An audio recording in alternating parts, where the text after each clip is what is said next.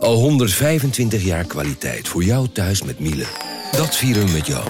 Ontvang nu tijdelijk een cashback tot 125 euro op veel Miele-apparatuur. Geniet van de kwaliteit van Miele. Voor perfect verzorgd wasgoed en kleding die veel langer mooi blijft. Voor een stralend schone vaat, even perfect als jouw diners. En een stofvrij thuis waarin echt hygiënisch schoon de standaard is. Check miele.nl voor alle feestelijke aanbiedingen. Hey podcastluisteraar. Ook op zoek naar een relevante invulling van je schaarse luisteruren? Tune dan in op de podcastserie ESG, even samengevat van BNP Paribas. Wij, Marloes en Aldert, spreken daar duurzame voorlopers en wereldverbeteraars. Waarover dan? Nou, bijvoorbeeld of we ooit duurzaam kunnen gaan vliegen. En waarom koeien in de stad nou een goed idee is? Dat en meer elke twee weken in een nieuwe aflevering. Dus abonneer je. ESG, even samengevat.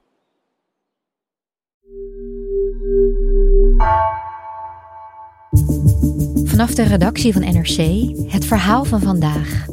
Mijn naam is Gabriella Ader.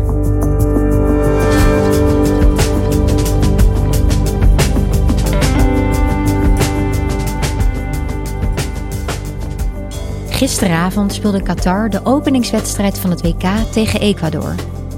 De WK-organisatie wordt al jaren beschuldigd van corruptie en ligt onder vuur vanwege mensenrechten schendingen. Ook leeft de vrees dat voetbalsupporters zich volledig moeten aanpassen aan de conservatieve regels in Qatar. Sportredacteur Joris Kooijman ging al voor de openingswedstrijd polshoogte nemen in het land en zag opmerkelijk veel rust. Is dit stilte voor de storm?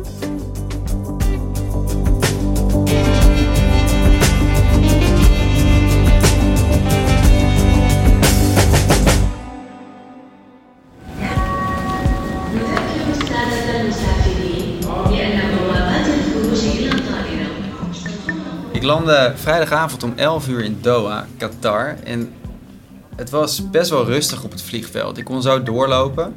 Want als je een uh, Haya-card hebt, dat betekent dat je iets doet voor het uh, WK, in dit geval een accreditatie hebt als journalist, dan mocht je meteen doorlopen naar een speciale balie waar je sneller geholpen werd voor de paspoortcontrole. Dus we stonden eigenlijk heel snel al uh, stonden we buiten. Ik was met een collega. En op het vliegveld viel me op dat het nou, eigenlijk niet zo druk was, maar wel er stonden al wat mensen van, het, uh, van de WK-organisatie om je te helpen, bijvoorbeeld met een simkaart, uh, om je te wijzen waar je geld kon uitnemen. Uh, dus het was duidelijk dat het ontvangstcomité klaar stond en dat er iets stond te gebeuren. Ja, en wij zijn er samen in september geweest voor een podcast die we hebben gemaakt. En dat, dat ging met name over hoe Qatar het WK had verkregen en ook de misstanden die daaromheen hingen. En ik kan mezelf nog een aantal dingen wel herinneren over hoe Doha er toen bij lag. Wat, wat staat jou nog bij van die periode in september? Ja, toen er in september waren, was het sowieso veel warmer dan nu. Echt een graad of 10. En gevoelstemperatuur was toen uh, boven de 40. Dat is nu absoluut niet het geval. Het is lekker warm, maar wel goed te doen. Maar wat vooral opviel toen, waren de lege straten. En dat er nog allerlei uh, werkzaamheden bezig waren. Er werden nog parkeerplaatsen aangelegd, uh, stoepen afgemaakt. Uh, overal zag je eigenlijk nog arbeidersmigranten in de bloedhitte aan de weg werken. En ja, nu is het natuurlijk allemaal klaar. Je ziet nog steeds her en der wel iets gebeuren, maar over het algemeen is, is alles klaar. En het is ook wel iets drukker dan toen. Weet je nog dat we bij de metrohalte wachten en daar was gewoon niemand? Toen hebben we toch maar een taxi aangehouden. Ja, het, was, het zag er allemaal schitterend uit, hè? nog steeds. Uh, ook brandschoon en uh, blinkende vloeren, maar er was inderdaad helemaal niemand. Het is wat ik net zei, het is nog steeds zeker niet heel vol hoor. Voor een grote stad die een WK organiseert, vind ik het nog steeds ja, tamelijk rustig allemaal. Maar ja, er zit dus wel nu beweging in. En onze podcast ging natuurlijk ook wel over nou, die ging eigenlijk met name over de negativiteit ook die rondom dit WK in Qatar hing. En we hoorden ook mensen, Qatari zelf, die daar niet zo blij mee waren met die negativiteit. Wat merk je daar nu nog van? Nou, je merkt nu vooral dat, dat die, die negativiteit en ook de frustratie eigenlijk daarover, die zit vooral in de top. Hè? Dus bij het organisatiecomité, uh, de emir, die heeft niet zo lang geleden heeft hij een speech gehouden waarin hij fel tekeer ging over de, de haatcampagne die in zijn ogen wordt eh, gevoerd tegen het land. En afgelopen zaterdag heeft Infantino, dat is de baas van de FIFA, Gianni Infantino, die heeft hier een speech gehouden. Een hele lange speech waarin hij enorm tekeer ging ook dat Europa het in zijn hoofd haalt, of Europeanen, om uh, Qatar de maat te nemen. Dat is in zijn ogen totaal hypocriet. I have uh, very strong feelings. I can tell you that. I think for what we Europeans have been doing in the last 3,000 years around the world, we should be apologizing for the next 3,000 years before starting to give moral lessons to people. This moral lesson giving, one sided, it's just hypocrisy. Wat je vooral hoorde is de enorme frustratie die er vanaf droop over hoe dit WK nog steeds wordt gezien in uh, veel landen, uh, in ieder geval in het Westen. Ik denk dat hij gehoopt had, en met hem natuurlijk uh, Qatar, dat nu het eindelijk gaat beginnen, dat het over voetbal zou gaan. Hè? En dat, dat de kritiek nu eindelijk verstomd zou zijn. Maar ja, het tegenovergestelde is waar. En dat zit de mensen hoog in de organisatie. En in de Qatarese top zit dat overduidelijk heel erg dwars. Ja, want als je dan kijkt naar de Qatari zelf. Ik ben ook wel benieuwd hoe zij dit nu ervaren. Ja, klopt. Nou, er is dus echt wel een verschil tussen wat je uh, in zo'n speech hoort van Infantino en wat je op straat tegenkomt. Hè. Ik ben bijvoorbeeld gisteren naar de Soek gegaan. Uh, de oude Soek wordt dat hier genoemd. Heel oud is die niet, maar het is wel nou ja, wat, wat het dichtst in de buurt komt bij een oude markt, zeg maar. En wat je daar hoort is vooral, ook van Qataris, enthousiasme. Ja, yeah. yes. we are absolutely ready for this uh, welcome for, the World Cup. Is it going to be a big celebration more, tomorrow? What, what, yeah. what am I going to say? Yeah, sure, sure. It will be a big celebration. And you are welcome. Uh, of course, ja, ja, ja. Ze hebben er gewoon zin in. Zin dat dit WK gaat beginnen. En ja, verder zie je plukjes fans uit allerlei landen. Vooral veel Zuid-Amerikanen ook. En nou ja, af en toe zingt er iemand, begint iets te scanderen. Ecuador. In de zoek. In de zoek, ja, ja, ja. Maar dat is wel, het is, als je voetbalsfeer kent, zeg maar, dan is dit de, de gematigde vorm. Het is absoluut niet zo dat je groepen fans heel uitbundig uh, tekeer ziet gaan of zo. Ja, geen dronken Britten die laveloos met vlaggetjes wapperen. Nee, nee, nee. En sowieso is in die zoek is geen alcohol te koop. Uh, er worden ballonnen verkocht. Het is, ja, het is een beetje alsof je op een, op een zondagmiddag uh, met mooi weer naar een park gaat. En we hebben het nu steeds over die Qataris, hè, hoe dat voor hen is. Maar goed, wij hebben ook allebei gezien dat de veruit het grootste gedeelte van de mensen die in Qatar wonen eigenlijk helemaal niet Qatarees zijn dat er ook heel veel Nepali, Bangladeshi daar wonen, die ook het WK hebben mede opgebouwd. Ja, hoe kijken zij daarnaar? Ja, het viel me op. Ik ben naar het uh, Fanfestival geweest. Dat is uh, het FIFA Fanfest. Dat is een soort van de plek uh, in een groot stadspark aan het strand. Waar nou ja, allerlei fanactiviteiten en optredens plaatsvinden. En er was een enorme stroom mensen onderweg van de metro naar dat fanfestival. En ik ging daar ook naartoe. En ik, tuurlijk wist ik dat er een groot deel van de bevolking niet Qatarees was. Maar daar viel me pas echt op dat dit WK ook qua bezoekers voor een groot deel zal bestaan uit mensen die uit die Aziatische landen komen die je net noemde. Uh, ik zag ja, heel veel mensen uit India, Bangladesh, Nepal, ook wel Afrikanen trouwens. Mensen die ook vaak kaartjes hebben voor die wedstrijden. Want voor de lokale bevolking die hier woont uh, zijn tickets beschikbaar gesteld tegen sterk gereduceerde tarieven. Dus ja, heel veel mensen hebben ook kaartjes voor die wedstrijden. Dus ja, het, wordt ook echt wel hier beleefd door al die mensen die hier nu zijn. En zeker niet alleen door de uh, Qatarese bovenlaag. Wat ook opvallend is, is dat die mensen komen allemaal uit landen die zich niet gekwalificeerd hebben voor de WK. Dus die hebben vaak shirts aan van vooral Argentinië en Brazilië, veruit de populairste landen. What's your name if I may ask? Fazrul Karim. And where are you from? Bangladesh. Bangladesh. But you're wearing an Argentina shirt? Yes. You're wearing a Brazil shirt? Brazil? Argentina. Argentina? All right. And uh, why do you support Argentina? Messi. Messi en Maradona.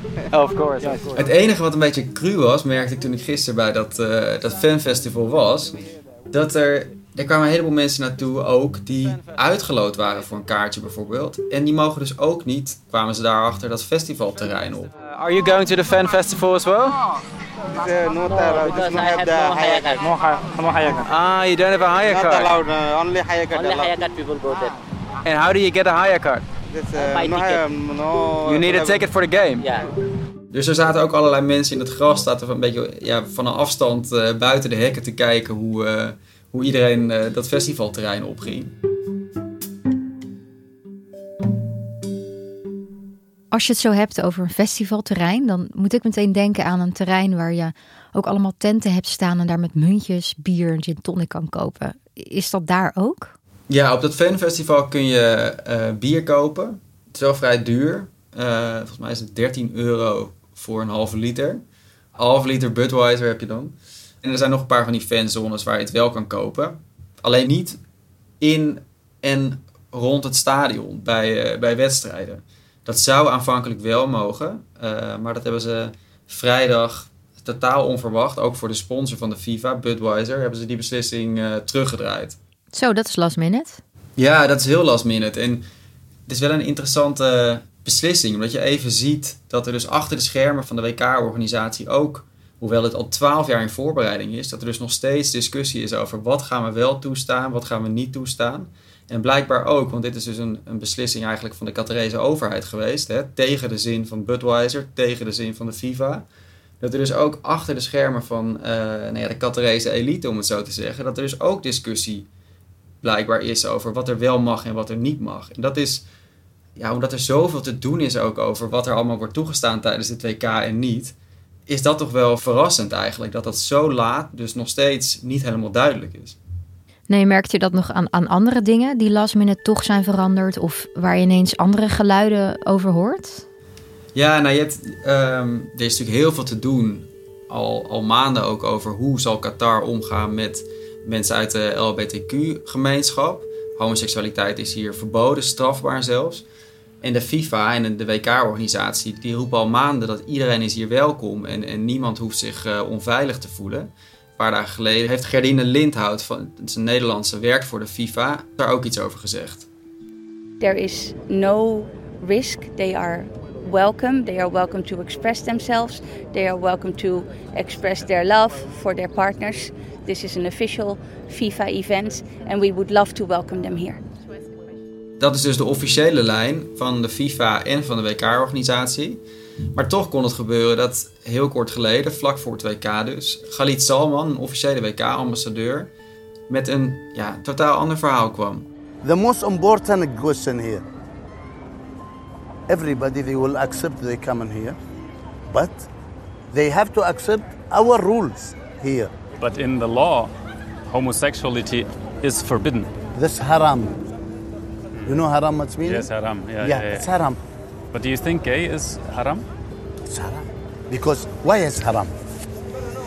I am not big one big Muslim, but it's haram why? Because it's damage in the mind. En dat is dus ook echt iemand van de WK-organisatie. Dus dat zegt wel iets natuurlijk.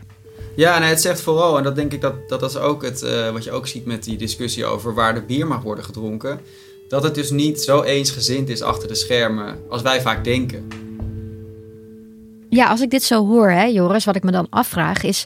in hoeverre gaan we nou echt een soort van feestgedruis straks zien? Hè? Zoals we ook eh, wel eens in Nederland hebben gezien met eh, zingende mensen door de straten. Wat verwacht jij? Ja, ik vind dat heel moeilijk in te schatten. Ik kan me nu niet zo goed voorstellen, omdat er gewoon niet zulke grote groepen supporters zijn eh, uit landen die om dit gedrag bekend staan, zeg maar. En ik, ik weet dus eigenlijk niet zo goed of de, de grote groepen supporters uit deze regio en uit Zuid-Azië, of die op die manier het voetbal gaan beleven. Ik heb wel begrepen dat de vorige keer eigenlijk dat het Qatarese nationale elftal succesvol was, de laatste en ook een van de, ook eigenlijk de enige keer. Dat is in 2019 geweest, toen hebben ze de Azië Cup gewonnen. En toen schijnt hier in Doha wel echt een volksfeest te zijn losgebarsten. Dus het, het zou wel kunnen.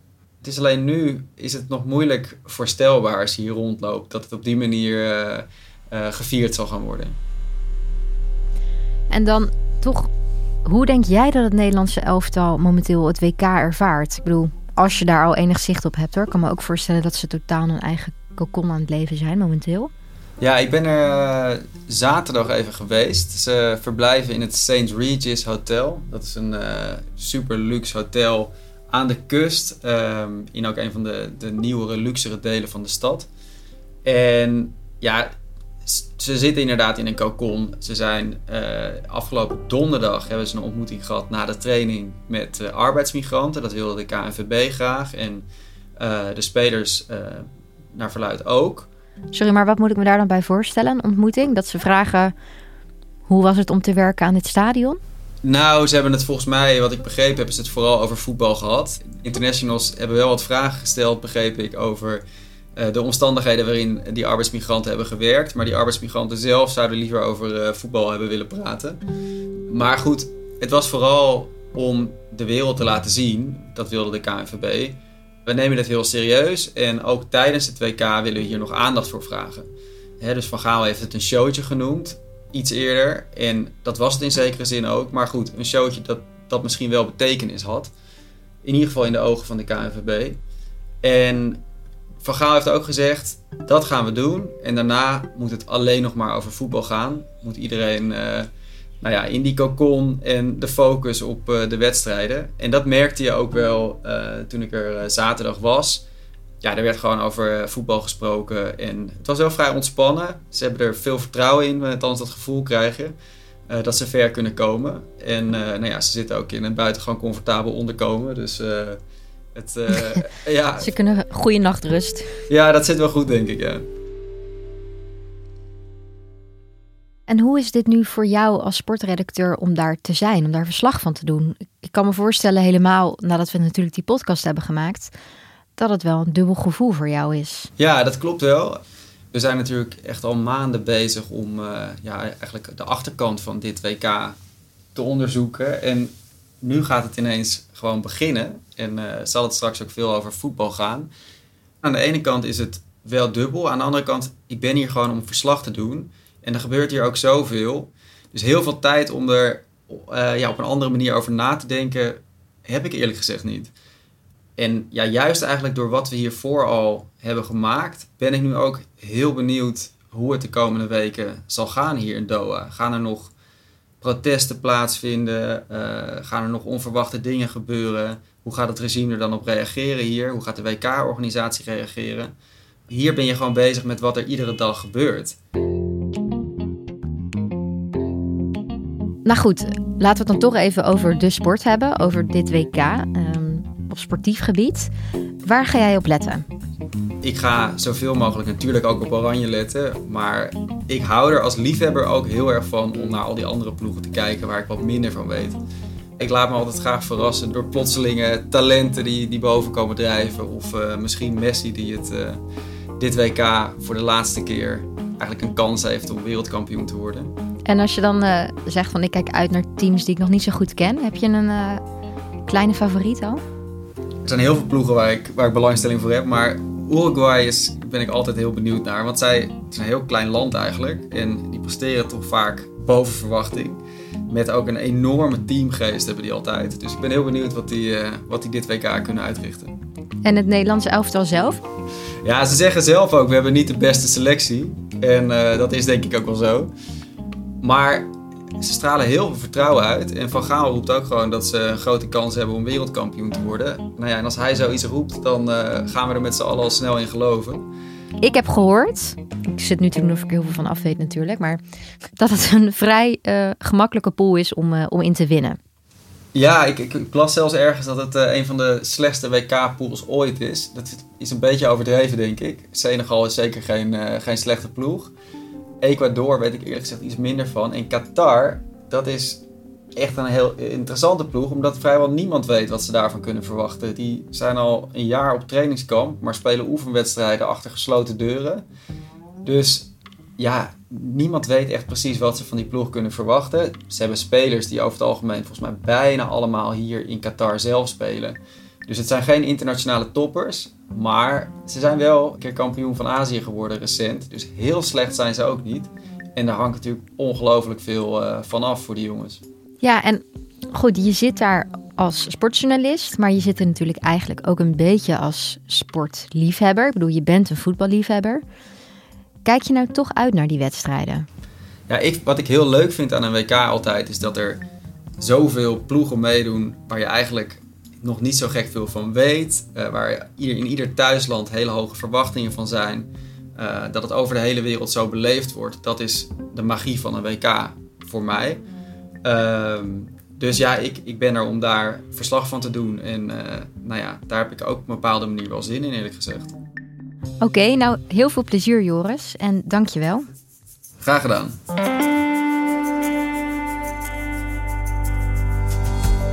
Je luisterde naar vandaag, een podcast van NRC. Eén verhaal, elke dag.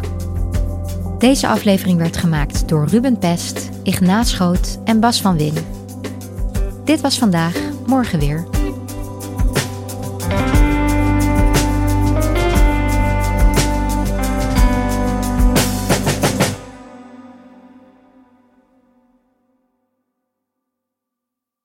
Technologie lijkt tegenwoordig het antwoord op iedere uitdaging. Bij PwC zien we dit anders. Als we de potentie van technologie willen benutten, kunnen we niet zonder een menselijk perspectief. Human-led, tech-powered noemen we dat. Ga naar pwc.nl.